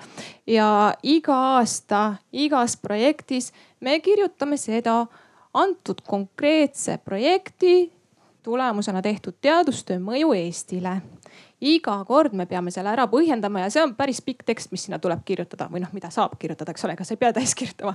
et, et selles mõttes, et tegelikult äh, ma nagu ei oleks selle kriitikaga niimoodi nõus, et, et teadlased teevadki mingit mõttetut ja, ja endale lihtsalt huvitavat asja ja, ja ma arvan, et kui, kui siin, eks ole, inimesed uurivad äh, vähki või diabeeti, siis ei ole sellepärast, et neil on see endal kindlasti olemas, et ma arvan, et mida iganes, eks ole.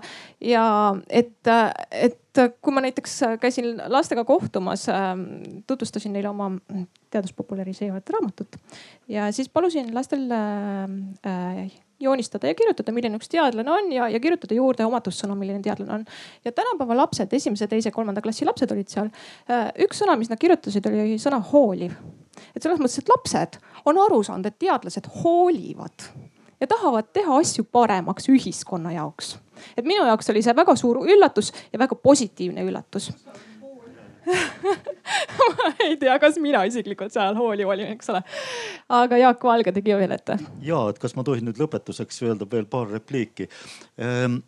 jah, mulle ka väga meeldis proua ministri sõnavõtt mis eh, haakub minu arvates väga hästi tegelikult EKRE programmiga, et muudame teaduse rahastuse hindamissüsteemi. oi, Mailis, nüüd läks halvasti. just nimelt eh, Eesti keskseks ja, aga, aga Äh, aga võib, võib-olla veel üks näide teile, ütleme, et sotsiaalteaduses sel juhul. Äh, minu teised kolleegid Tallinna Ülikoolist, noh ilmselgelt maailma tasemel demograaf Allan Puur, eks ole. et on ja ilmselgelt tippdemograaf ja tema õpilane, noor, Allan Puuri te ilmselt olete kuulnud, noor demograaf Äh, Martin Klesment, keda te võib-olla ei ole kuulnud. aga Allan Puuri te olete ka suhteliselt vähe kuulnud sellepärast, et, et vaadake tema, tema põhi äh, ressurss läheb vot nende samade üks-üks artiklite vorpimisele ja taotluste vorpimisele selleks, et järgmine, järgmine äh, rahastus Äh, periood üle elada kuidagimoodi ja samal ajal meie tegelikult meie Eesti rahvastikupoliitika, rahvastiku areng vajab ülimal määral tema panust. nii, ja ta teeb seda panuse täiesti omast vabast ajast ühiskondlikul alusel. ta ei saa sellest mitte midagi, et see täiesti, see, see olukord ei ole normaalne. ja, ja siin ma võib-olla proua ministriga päris nõus ei oleks, et, et siin, et ei oleks mitte, et siin võib-olla on ikkagi suurt reformi vaja aga, aga. aga aidake, mis see lahendus on, me viiskümmend, viiskümmend baasi tõime sisse, mis me siis veel ümber peame tegema? Te, me peaksime ümber tegema siis kogu mudeli, et ka hindamismudeli ja, ja, ja seostama siis ja tege, tegema ära teemastamise. aga nüüd ma, nüüd ma palun vabandust, et ma ei, ma lahkun lahinguväljalt ja, ja soovin ja, ja soo, soovin kõikidele head arutluse jätku uh,. jah teeks niisuguse ringi siit otsast. Mailis, tahad sa midagi ütelda? annad edasi mikrofoni, okei okay.. ma teen äh, siis paar konkreetset ettepanekut ka. üks nendest äh, on võib-olla natukene sünkroonis sellega või ütleme siis kõlab kokku sellega, mida, mida Jaak Valge ütles selle Eesti keskse teadusega. ma ei keskenduks niivõrd teemadele. Jah, tõepoolest tegelikult Eesti teadlaste tegevuses päris palju äh, piirab see raha vähesus mitte ainult sellest, et sellepärast, et, et ei saa millegagi tegeleda, vaid see mingil määral annab ette ka selle, et millega siis saab tegeleda, et saab tegeleda nende asjadega, kust raha antakse, mis on suured tähtsad rahvusvahelised moevoolud ja, ja kus sa pead noh, suuremates süsteemides kaasa rääkima, tsiteerima siis klassikuid. noh, nii nagu kunagi tsiteeriti, tsiteeriti Leninit, nüüd tsiteeritakse väga tihti Ernest Kellnerit või, või kedagi, kedagi noh, ütleme sellesse debatt, et kas on väga õige, õige keskenduda sellele, et rahvus on konstruktsioon ja, ja väljamõeldud kogukondade äh, teooria on justkui liiga levinud. ma arvan, et kõik teadlased ka Eestis ei mõtle täpselt ühtemoodi. aga, aga see, et sa pead otsima siit ja sealt, kus sa rahvusvahelises süsteemis äh, läbi, läbi saad lüüa, ei anna võib-olla võimalust nii palju oma peaga mõelda. aga nüüd, äh, mida tuleks kindlasti ümber teha? kaks tuhat kaksteist, kaks tuhat kolmteist lõhuti ära koostööle orienteeritud teaduse rahastamise süsteem ja praegu on, on institutsionaalsed uurimistoetused põhiliselt orienteeritud sinna, et äh, iga kollektiiv peab näitama põhitäitjad iseendas, see on asutustevaheline konkurents või siis ka asutuste sisene, aga keegi haarab endale konkreetsed põhitäitjad. ma saan aru küll, miks see omal ajal oli, et tugevamad kollektiivid jääksid ja väiksemad surutakse välja, aga see on lõiganud ära ka koostöö Eesti teadlaste omavahel. väiksemate teaduskollektiivide panust vähendanud väga oluliselt, sest nad ei saa kesta sellepärast et, et koostöömudelis nad saaksid olla, nad saaksid olla, anda mõned põhitäitjad eh, suuremale kollektiivile juurde. aga, aga sellises ainult võistlusele, asutustevahelisele võistlusele orienteeritud süsteemis eh, nad ei saa. Eh, see, kas, kas ma tohin äh, kommenteerida vahele äh,? hetkel institutsionaalseid äh, uurimistoetusi enam üldse ei ole, on kõik personaalsed ja no need lõpevad no,, aga need lõpevad tõesti järgmisel aastal, eks ole, et noh, selles mõttes neid enam välja ei anta. no e, ja, ja, aga, aga küll, koostööle, koostööle orienteeritud äh, asjad, mis on, on tippkeskused ja seal on lausa tingimused, sul peavad olema erinevatest asutustest, erinevatest gruppidest. tippkeskusi hakati tegema juba palju varem, ka siis, kui, kui grantisüsteem oli veel koostööle orienteeritud veel tükk aega. tipp, tippkeskuseste ajalugu on peaaegu et kakskümmend aastat meil. Aga nüüd ma ütlen selle mm, ka, et et äh, põhimõtteliselt äh, võiks populariseerimine olla ka teadlase tegevuses rohkem kvoteeritud või rohkem hinnatud ja eesti keeles populariseerimine samamoodi, nii et ETISes võiks ka populariseerimine, eestikeelne populariseerimine olla rohkem märgitud, kui ta praegu on. noh, seal palju registreid siiski ei ole, on teatud ajakirjad, mis on sisse pandud, on võimalik monograafiaid teha, aga õpikud ja niisugused asjad siiski positiivsena et võetakse arv, on, on, on küll, aga neid või, võiks ka raha jaotamisel rohkem arvesse võtta. mina panin oma lasteraamatu kaitisesse, juhuu. ei, no seda küll, aga ma ei tea, kas siis rahvusvaheline hindaja seda seal plussiks loeb, et minu meelest võiks need asjad olla plussid aga, ka. aga ma, ma nagu noh, ka eks ole, kes ei ole kursis, et tegelikult äh, kui meil käivad äh, grandi hindamine, siis äh, seda Eestile täh-, olulisust, seda hindab äh, Eesti ekspertkomisjon ja Eesti hindamisnõukogu, et seda välismaalased üldse ei vaatagi jah, siis võiks eesti keeles populariseerimine olla tõesti plussina, ma loodan, et see siis on. seate silmad ja suureks, ma usun neid silmi. positiivsed äh, asjad, mis on toimunud, eks ole, et meil on ka populariseerimise grandikonkursid ja meil on populariseerimise auhinnad, et ma arvan, et elu on nagu ikkagi paremaks läinud. ja kindlasti on elu paremaks läinud ja lõpetuseks ma ütlen, et äh, elu on nii hea, et ega me ei saa äh, mingis formatsioonis nüüd arvata, et maailm hakkab lõppema meie jaoks, mida haridus- ja kultuurivaldkonna ministrite jaoks on Martin Helme täpselt sama vastik, kui oli Jürgen Ligi omal ajal.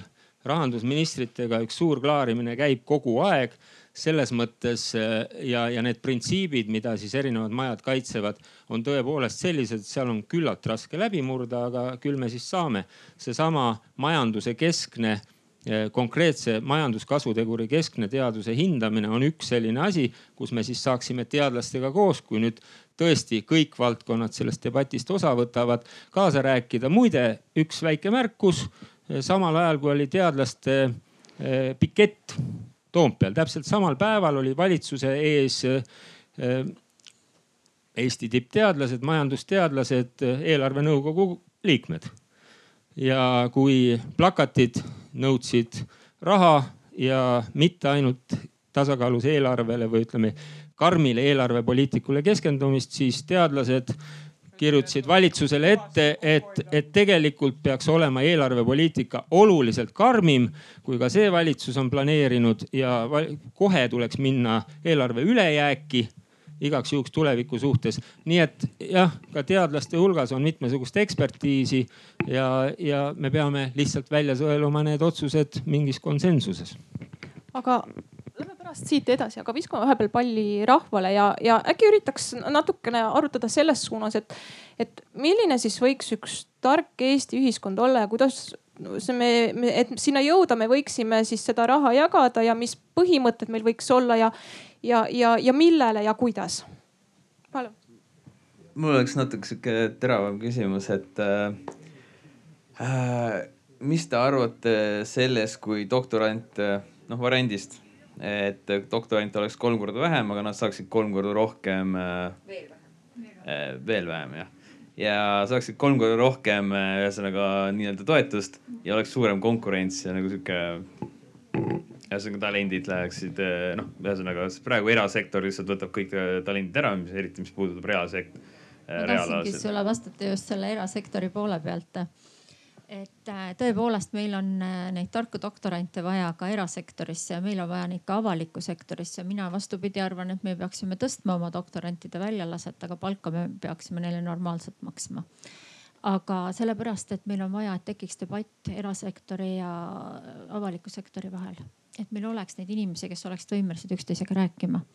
aga kui juba, kui juba sellest erasektorist rääkida, siis äh, võib-olla alustan sellest, et ähm, Leeru andmetel üks äh, teadusesse investeeritud euro toob tagasi kuus eurot.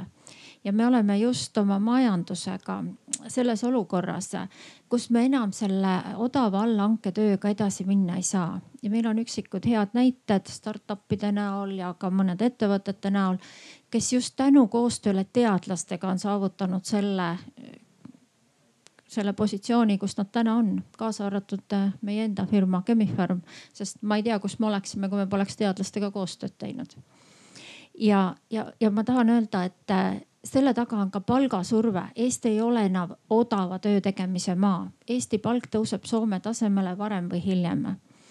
ja, ja siinkohal on ikkagi see, et, et me vajame seda teadlast, me vajame seda teadlast endale ettevõtetesse ja me tahaksime näha seda teadlase mobiilsust just ülikoolist äh, liikudes erasektorisse no plaanis oli selle ühe protsendi sees, et tekivad ähm, ETAG-is need ähm, grandid, mis äh, nagu katavad teadlasel need liikumiskulud, et tal on vaba liikumine ülikooli tagasi.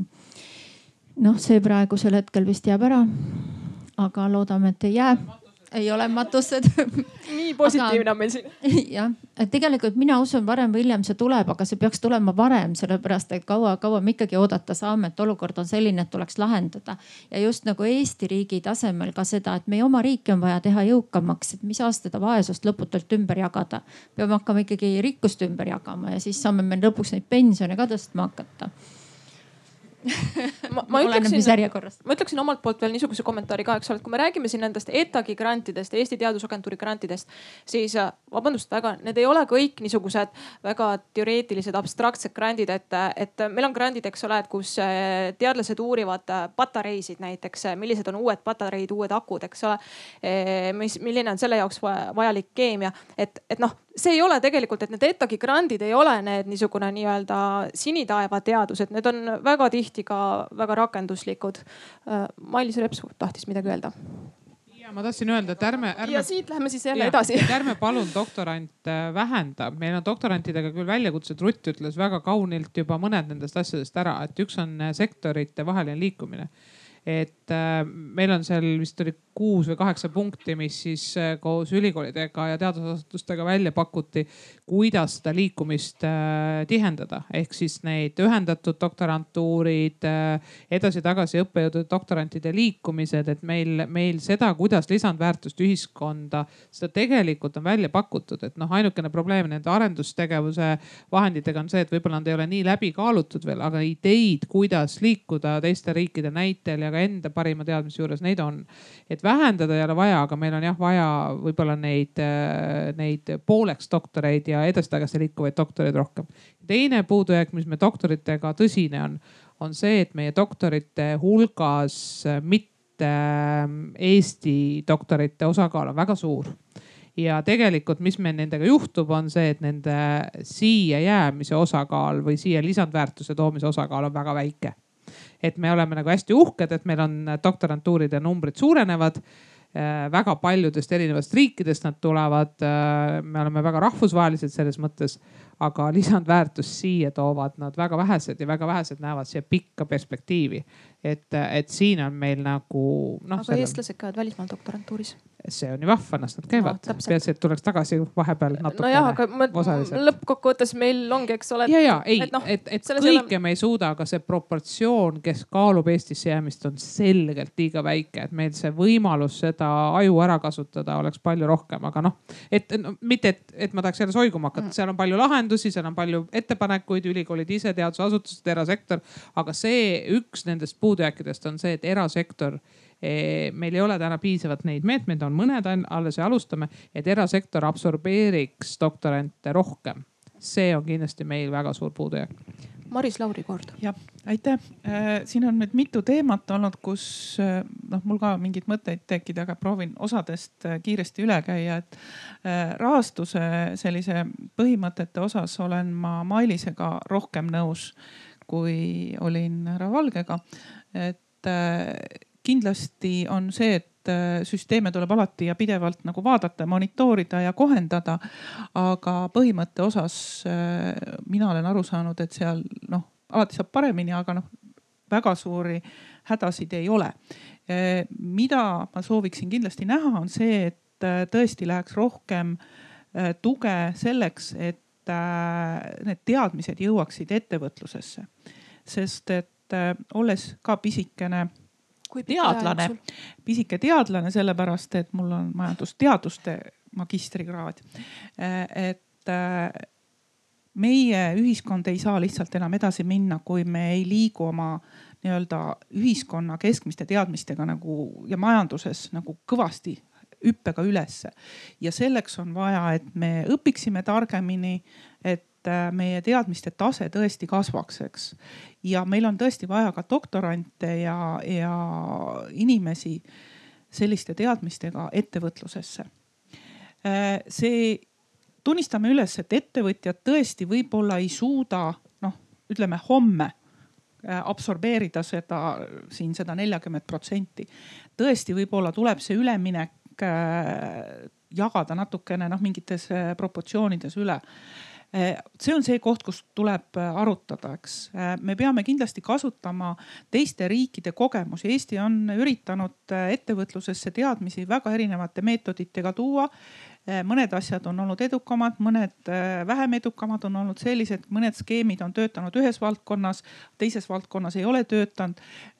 On veel üks võimalus kasutada sellist rakendusuuringute asja, mida kasutavad kõik arenenud Euroopa riigid ja mida minu teadmiste kohaselt püüavad mm, ka nii-öelda Kesk- ja Ida-Euroopa riigid rakendusse võtta, et ka meie peaksime sellele tõsiselt mõtlema. ja see noh, nii-öelda üleminek võib korraks vajada sellist lisafinantseeringut, aga selles on ka see koht, kus ettevõtjad näevad väga suurt koostöötahet. ja äh, ma arvan, et äh, siin on see koht, kuidas äh, seda rakendada ja kuna sellesse neljakümnesse protsenti siis nii-öelda ettevõtluse neljakümnesse protsenti jõuda nagu ma ütlesin, et see või ei pruugi olla homme, eks ju.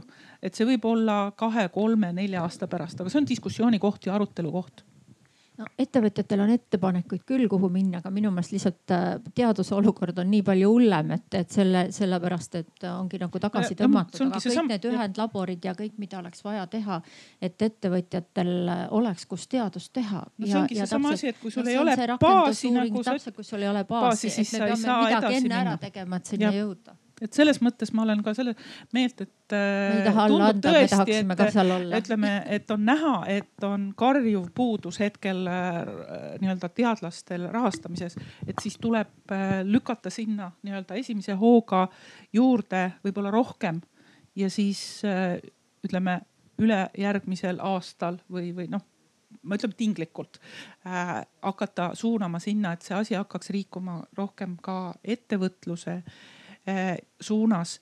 meil ei ole vaja doktoreid mitte üksnes ettevõtluses, meil on vaja ka äh, tegelikult riigi juhtimises.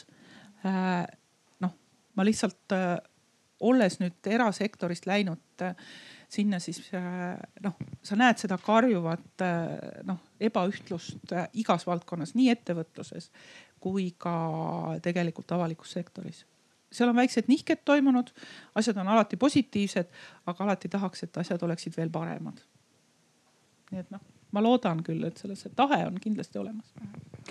viskame palli korraks sinna, sest seal on üks inimene, kes juba väga-väga tükk aega sinna nurka.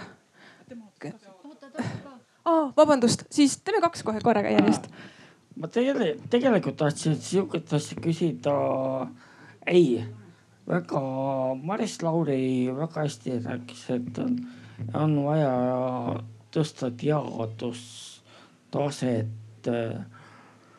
no tehnikas on vaja tõsta, majanduses on tõsta, aga tegelikult väga palju on vaja tõsta ka meditsiinis sotsiaaltöötajaid. mina olen ometi psühhiaater.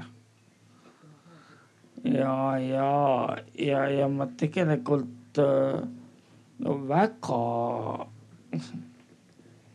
väga tahaks, et, et noh tõuseks asi läheks asi paremaks no,. igalt poolt praegu räägitakse. et me ei, noh, ma ei tea. see on väga hea, me kõik tahame, et asi läheks paremaks. Äh, Katri Raik ja, aga saatke vahepealt seda palli, aga nii kaua Katri Raik võib juba rääkida. see, me räägime, me oleme jälle jõudnud nende samade teemadeni, millele ikka tikutakse jõudma, et mis on siis see baasteadus ja rakendusuuringud ja, ja kuidas me neid ühte või teist äh, asja nimetame, mis on tähtsam ja, ja ka selleni siis, mis protsentides ja raha jagada, palju läheb otse ülikooli, palju läheb läbi ettevõtlusega, ikkagi on küsimus selles, et, et meil seda raha kokkuvõttes napib ja ei, ei ole ja, ja see on ikkagi kõige tõsisem küsimus. Ja siin on väga otsene side selle küsimusega, mida sa küsisid, mis asi on tark ühiskond. tark ühiskond on see, kus on võimalikult palju haritud inimesi, eks ju. kokkuvõttes oleme me jõudnud ju OSCE riikide keskmisest nagu protsendi võrra kõrgemale oma kõrgharidusega inimeste osakaalu läbi ühiskonnas. Ja see tuleb suuresti läbi noort, nooremate, äh, nooremate inimeste. Ja selge, et teadus ja kõrgharidus on seotud, mis on minu meelest väga ohtlik äh, diskussioon, kui me hakkame rääkima, et ülikoolides on inimesed, kes teevad teadust ja kes teadust ei tee. et niimoodi ei, ei, ei saaks ikka asju vaadata, et hea ja, ja kõrgetasemel kõrgharidus tugineb ikka sulaselgelt äh, teadusele ja me võiksime võtta ka selle suuna tõesti, et me liiguksime oma ülikoolidega veel edasi tasemelt kõrgemale, et me vähemalt ühe Eesti ülikooli saaksime sellesse samasse liigasse, kus on Helsingi ülikool ehk saja esimese või saja esimese maailma ülikooli hulka. see võiks olla meie, meie suund ja, ja oluline et kõrghariduse teaduse suhe ei kaoks ära, et baasteadlased kõik õpetaksid ka võimalikult tõesti ka bakalaureuse tasemel, see on äärmiselt oluline vastasel juhul me, me liigume seda suunda, kui see rahastus jääb nagu ta jääb või on see juurdekasv väga napp. et meil tuleb kõrgharidust äh, kokku tõmmata, sest ülikoolid ei saa hoida seda palgataset, see ei ole enam võimalik seda palgataset hoida. palka tuleb tõsta, tähendab midagi tuleb kinni panna. Äh, midagi on ilmselt ka mõistlik kinni panna, see on ülimalt ebapopulaarne hakata otsustama näiteks, et õpetame nagu liiga palju ajaloolasi, õpetame ajalugu, ajaloo, ajalugu ühes ülikoolis, ma ei tea, mis sa Tõnis arvad. paneme Tallinna Ülikoolis kinni muidugi meil oli täna kolm ajaloolist siin, eks ole. liiga palju, et, et tegelikult on nagu tõsised küsimused, mis võivad väga-väga-väga peagi olla, olla ees, et kui on palgasurve selgelt olemas, siis tuleb midagi ülikoolides kinni panna, et see on tegelikult paari lähima aasta tulemus, et veel ükskord, ma ei taha küll nagu kurja karjuda ja kraaksuda, aga kui Mailis ütleb, et ei ole matused, siis mina julgen öelda, et põhi on käes. noh ja, ja siit edasi tuleb ainult äh, leida lahendus. Ja kui vaja, siis millegi muu arvelt kiire kommentaar, Tõnis Lukas. üks äh, põhiküsimusi tuli äh, siiski mitte teilt, aga siit juba eelnevalt äh, doktorantide puhul. no loomulikult, kui võtta ratsionaalselt, siis kui on vaja, et doktorantuuris jätkaksid tipud, siis ja kuskilt raha juurde ei tule, siis makske vähematele, aga makske rohkem. ütleme, kui me niimoodi seda asja ei püstita, küll ütleme, et meil on, meil on doktorantuuri läbinuid ja, ja doktoreid vaja mitmes sfääris igal juhul on neid vaja kõrghariduse jätkusuutlikkuseks. ja kui me räägime siin ka eestikeelse kõrghariduse hoidmisest, siis meil on vaja ka eestikeelseid tulevasi professoreid neid, kes doktorantuuri on läbinud, on hea, kui mujalt tulevad tagasi, aga ütleme, kindlam on, kui siiski meie oma noored tahaksid jätkata doktorantuuris. meil on erialasid, kus äh, ei ole tegelikult üldse soovi doktorantuuri minna ja seega doktorandi toetus peaks tõusma oluliselt see kahekordne tõus, mida siin on taotletud, ei ole nali, see on miini, minimaalne, mis tuleb ära teha. doktorandi sissetulek peab olema doktorantuurid õppides juba suurem, kui ta praegu on ja, jah, sest äh, minul on konkreetselt äh, doktorant, kelle Tallinna Ülikoolis olev juhendaja saab sama raha, mis doktorant saab raha. aga küsimus sinna. Indrek Pauts, õppejõu kogemus, teadlase töö kogemus. kolmkümmend aastat tagasi ma nägin seda praegust olukorda ette sellepärast et juba toona oli sellisest olukorrast midagi olemas. praegu on olukord veel teravam. aga minu iseloom ei luba mind väga kaua surve all hoida. ja ma murdsin sellest välja, ma astusin välja sellest süsteemist. ma teadsin, et on olnud õpetajatalud, apteekritalud ja nüüd mul on Mardi ökotalu, mida võiks ka nimetada teadlase talu. ma kasvatan endale toitu ja teen vaba mehena teadust. minu alal seda on võimalik teha. see võiks olla üks niisugune väljapääs, kui olukord läheb väga väljakannatamatuks, aga ma imetlen praegu siin seda seltskonda, millise kannatlikkusega seda leina meeleolu talutakse. see on tõepoolest imetlusväärne. nüüd teine asi. võiks vaadata teadust kui omaette regiooni ja rakendada selle suhtes regionaalpoliitikat. mis, mida see tähendab? näiteks maksusoodustused võiksid olla, mis võiks veidi palgaprobleemi leevendada. et me võiksime võtta eeskuju Taanist näiteks. palun väga mm -hmm. jah, tähendab, peab olema, et siin on nüüd poliitiline tahe, see ei peaks olema väga suur väljaminek riigile, nende maksusoodustuste tegemine, aga see on vähemalt tähelepanelikkus, midagigi. pärast selliseid šokke nagu nüüd need kokkulepped ja nende murdmised ja, ja mittemurdmised on mm. -hmm. ma tean, ma sain aru, Mailis Reps on väga positiivselt äh, meelestatud üldiselt ja, ja soovitab teadlastel rahulikult ja rõõmsalt suve mööda saata lõpuni ja sügist oodata edasi võidelda, väga hea, siis räägime sõjaplaanidest pärastpoole edasi.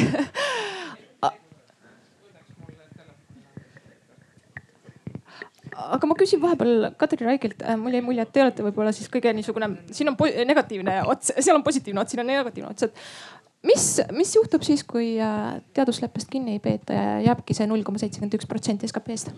Ma ei usu, et ma olen kõige negatiivsem, aga ma olen ka ju väga äsja, eelmisel suvel äh, juhtisime veel ühte rakenduskõrgkooli ja mul on nagu ka väga selge kogemus sellest, kuidas siis palgapoliitikat ühes kõrgkoolis teha niimoodi, et, et inimesed ära ei läheks ja oleksid, eks ju, valmis äh, kõrgkoolis töötama. Ja seetõttu ma tunnen lihtsalt, äh, ma lihtsalt tean selle mure, mure sügavust või ma, ma tean, mida see tegelikult tähendab et seetõttu ma ei taha olla küll äh, jah nagu kõige negatiivse, negatiivsema tiitlit ma ei tahaks saada. aga ma, ma olen kuidagi jah, ja ma arvan, et ma olen suhteliselt realistlik, mina näen äh, seda, et siis tuleb lihtsalt kokku tõmmata. Tuleb äh, tõsiselt erialasid kokku tõmmata, osadel inimestel tuleb ülikoolist ära minna tuleb äh, koondada mingisuguseid, kuna ilmselt ülikoolid teatavasti on meil väga-väga iseseisvad ja ülikoolid ei taha kuuldagi, et keegi ütleb, mis eriala tuleb kinni panna siis äh, peavad ülikoolide juhtkonnad ise selle töö ilmsesti siiski kolleegidega teistest ülikoolidest äh, konsulteerides selle töö ära tegema. aga see puudutab nüüd rohkem niisugust äh, õppe poolt, ma saan aru? aga õppe-teaduspool on omavahel ju praeguse rahastusskeemi juures äärmiselt tõsiselt seotud, et teistmoodi ei ole, teistmoodi ei ole võimalik, et me ei saa teadust ja kõrgharidust Eestis vaadata eraldi, meil ei ole ju teadusinstituut, on ju mõned, eks ju, teadusinstituudid, aga siiski teadusinstituudi süsteemi. ei, ei ole, ei ole mul on, mul on äärmiselt kahju, et me jõuame debati juures sinna, kus me, kus me tegelikult alguses noh, me räägime nagu erinevatest asjadest ja selles ühiskondlikus debatis me räägime ka erinevatest asjadest. ja, ja, ja tegelikult ebaõiglaselt on jäänud siin rahastamise teemadel varju kõrghariduse rahastamise teema. et võib-olla siin äh, klassikuid tsiteerides, siis härra Aaviksoo suutis selle ERR-i eetris natuke paremini panna, kui mina suudaks. Äh, ta ongi väga veenev oma debattides. et, et öeldes, et kuule, teadlased äh, vinguvad sellepärast, et leppest ei peetud kinni, aga, aga, aga kõrgkoolid ja, ja, ja ülikoolid ütlevad seda, et neil on päriselt ka halvasti aga, aga nüüd, kui noh, ta ütles seda veel nagu lihtsamini ja, ja otsesemalt, nii nagu ta oskab.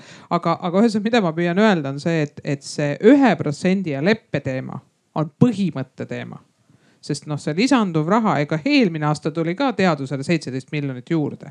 küsimus ei ole see, et teadlastele poleks raha eraldatud ja, ja küsimus ei ole ka selles, et teadlased homme nälga surevad, vaid see oli põhimõtte küsimus peetakse kinni leppest, ei peeta kinni, viisteist miljonit tuleb juurde, ei tule milja.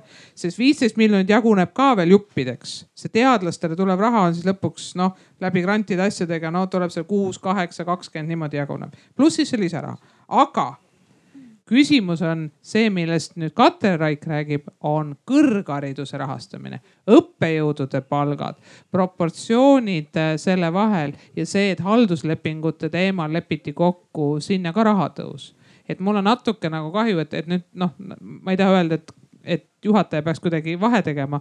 aga ma, ma, ma tahaks lihtsalt tagasihoidlikult öelda, et see on veidi erinev debatt, et see on, see on see, mida nüüd väga vaikse häälega vist EKA rektor Mart Kalm ütles välja, et kuulge, et meie saame teadusest nii vähe, et te, tehke küll see üks protsent ära, aga palun rääkige kõrgharidusest ka. meil on ja. ka neid kõrgharidusasutusi, kes tegelikult teadusest saavad ebaproportsionaalselt vähe. see on, see on õige küll äh,. nüüd äh, mina viskaksin siinkohal palli rektoritele et miks te ei räägi probleemist et äh, palun olge lahked ja, ja, ja kuidas on tegelikult, äh, kuidas on tegelikult ka olukord, eks ole, et, äh, et äh, osad noored, osad noored professorid, kes professor, eks ole, on suurem osa peab isegi õppetööd tegema, saab sada protsenti teadusrahadest palka et noh, selles mõttes need asjad on seotud omavahel, need on ühes, ühes, ühes, ühest küljest on need asjad meil hästi eraldi, eks ole, õpperahad, teadusrahad, samas, samas on need asjad omavahel väga seotud. ei, ma ei püüa öelda, et nad ei ole seotud, ma tahan öelda, et meil on jäänud natukene noh mulle see võib-olla poliitikuna isegi korraks meeldiks, et justkui, kui me nüüd selle teaduse ühe protsendi oleme ära saavutanud, siis kõik munad on rahuldatud. no ei ole. üks Mailis, korv on endiselt tühi. siis me tühi. tuleme sinu juurde tagasi ja hakkame üks, karjuma. ma püüangi öelda, et need, mida me räägime siin, doktorandid, noored teadlased, kas teadlased tulevad, kas lektori tasu on täna juba väiksem kui õpetajate palk ja loomulikult õpetajate palk on niikuinii liiga väike, aga tea, see noor, noored, need, kes sisenevad, et me räägime nagu mitmest probleemist korraga korraga, see, see, see üks korv jääb endiselt tühjaks, see on tegelikult ja see, kui sa räägid, et ma ei tea, näiteks Narva kolledžis õpetaja siseneb, eks ju, madala palgaga. sealt see, kui see teaduslepe on täidetud, otseselt see antud kolledž ei toitu sellest. ma ei rääkinud praegu absoluutselt sellest ma rääkisin sellest, et teadlane ka õpetab ja õppejõud teeb ka teadust ja teised on omavahel seotud, ma ei rääkinud üldse sellest. no nüüd ma lähen ka päris sassi, et tegelikult tegelikult äh, muidugi doktor, doktorantide teema on niivõrd oluliselt ka teadusega seotud, et need ongi seotud teemad ja tegelikult me ei tohi, ei no eelarve eraldi rida küll, kui me räägime teadusest ja tulevikust, siis peab rääkima ka kõrgharidusest, see on selge. aga kindlasti me ei tohiks laiali minna praegu niimoodi, et äh, justkui need kaks oleks, rahastamist oleks omavahel konkureerivad, et näe, teadus saab ja siis kõrgharidus jääb selle võrra vähe, noh, ütleme vähemaks või ei saa või tema konkurentsivõime eelarve tuludele selle võrra väheneb. tegelikult nad ei tohiks omavahel konkureerida üldsegi mitte. ja, ja sellise eh, nii-öelda hea koostöötahtega võiks siit laiali küll minna. Maris Lauri ma. ja, aga ütleme võib-olla näiteks seda ka, et, et selle ühe protsendiga. nüüd alles läheb huvitavaks teadusesse eh, suudame me ikkagi Eesti riiki rikkamaks teha ja, ja, ja, ja ja, ja tõepoolest see, et, et meie kõrghariduse rahastamine on ühe protsendi peal, aga võiks olla nüüd ühe koma viie protsendi peal, siis sellega on ka Mailis tõenäoliselt nõus, ma loodan eh, noh, need kaks asja on ju omavahel noh, selgelt ju seotud ja eh, ühelt poolt on jah lihtne, et võtame kätte, lahendame kõrghariduse teemat ja siis lahendame teadusteemat ja hoiame nad jumala eest rahus. aga komplekssüsteemi ei saa lahendada niimoodi, et äh, me lahendame ühe asja ära ja teise asja, et äh, me võime neid äh, analüüsida ja mingeid aspekte vaadata, aga lahendused me peame lõpuks tegema koostöös, vaatama üle noh, nagu selle kogu selle pildi, et äh, ei saa niimoodi, noh nagu siit tuligi välja, et noh, et ei saa tekitada nii, et me tegeleme ainult teadusega ja siis äh, selgub, et äh, doktorant saab kenasti tasustatud, aga siis ta läheb, saab oma kraadi kätte ja siis läheb mingile madalale palgale, et see näitabki seda, et me ei saa lahendada asja ühte asja, mis on omavahel, kahte erinevat asja eraldi, eks, kui nad on omavahel seotud, me peame nad koos lahendama. me võime ajuti panna need rõhuasetused ühte või teise kohta. aga me ei tohi unustada asja, et noh, et äh, inimühiskond, haridus-teadussüsteem on niivõrd keeruline. et äh, noh, lihtsustamine on kasulik teatud asjade analüüsil, aga alati me teame, et kuskohast me lihtsustuse teeme. et et me siis, kui me lahenduse välja pakume, et me siis ei tee seda lihtsat lahendust, vaid arvestame, tegelik süsteem on natuke keerulisem, kui see lihtsustus on Kristel Vassi seletab meile nüüd kõik ära. mina olen Kristjan, Tartu Ülikool ja ma tahtsin siia debatti tuua sellise olulise nagu dimensioonina meelde tuletada, et põhjus, miks me räägime teadusrahastuse kasvamisest, ei ole ainult mitte sellest kinni, et me kohe hakkame teadlaseid koju saatma ja, ja, ja et kõik on kole pahasti vaid meie soov on osta teadlased lahti sellest raha tagaajamisest, nii-öelda grandirattas äh, olemisest, et nad suudaksid äh, ja saaksid äh, neid kasulikke mudeleid ja lahendusi, mis meil laborites on valmis töötatud, saaksid siirata majandusse, et sellest oleks reaalne kasu targa majanduse nagu tekitamiseks. nii kaua, kuni teadlased on kinni grantide jahtimisega selleks, et elus püsida, ei juhtu seda teadmiste siiret ülikooli laboritest ühiskonda ja nii kaua ei ole mõtet äh, rääkida väga tõsiselt sellisest teadmispõhisest majandusest ehk lisandväärtuse noh, olulisel määral kasvamisest ja sellest tulenevalt, kuhu me lõpuks tahame jõuda, rikkuse ümberjagamisest, äh, mitte vaesuse ümberjagamisest. Ähm, ülikoolid ei saa täna üksinda äh, hakkama. näiteks Tartu Ülikoolis on umbes tuhat seitsesada teadlast. kui me kolmandiku saadaksime koju hoiaksime nende palgakulu kokku, see on mõned miljonid. sellega me ei saa mitte midagi öö, tehtud. ja kahju, mis sellega tekib teaduse mitmekesisuse kontekstis, on hoomamatu et üks meie, meie suur eelis on täna, et me suudame hoida üleval mitmekesist tippteadust. et sellest me, sealt me mingisugust efekti sisuliselt ei saa. ja teadusrahastus, rahastuse süsteem siin vahepeal oli kuulda, et on vaja vundamendini ümber äh, ehitada ja ümber luua. seda ma küll ei ja, ja ülikoolid ei näe, et meil oleks teaduse rahastuses põhimõttelisi hädasi. meil on vaja teadusrahastuse baastaset äh, tõsta. Ja nagu me näeme nende kokkulepitud osakaalude kontekstis kakskümmend, nelikümmend, nelikümmend, suurem osa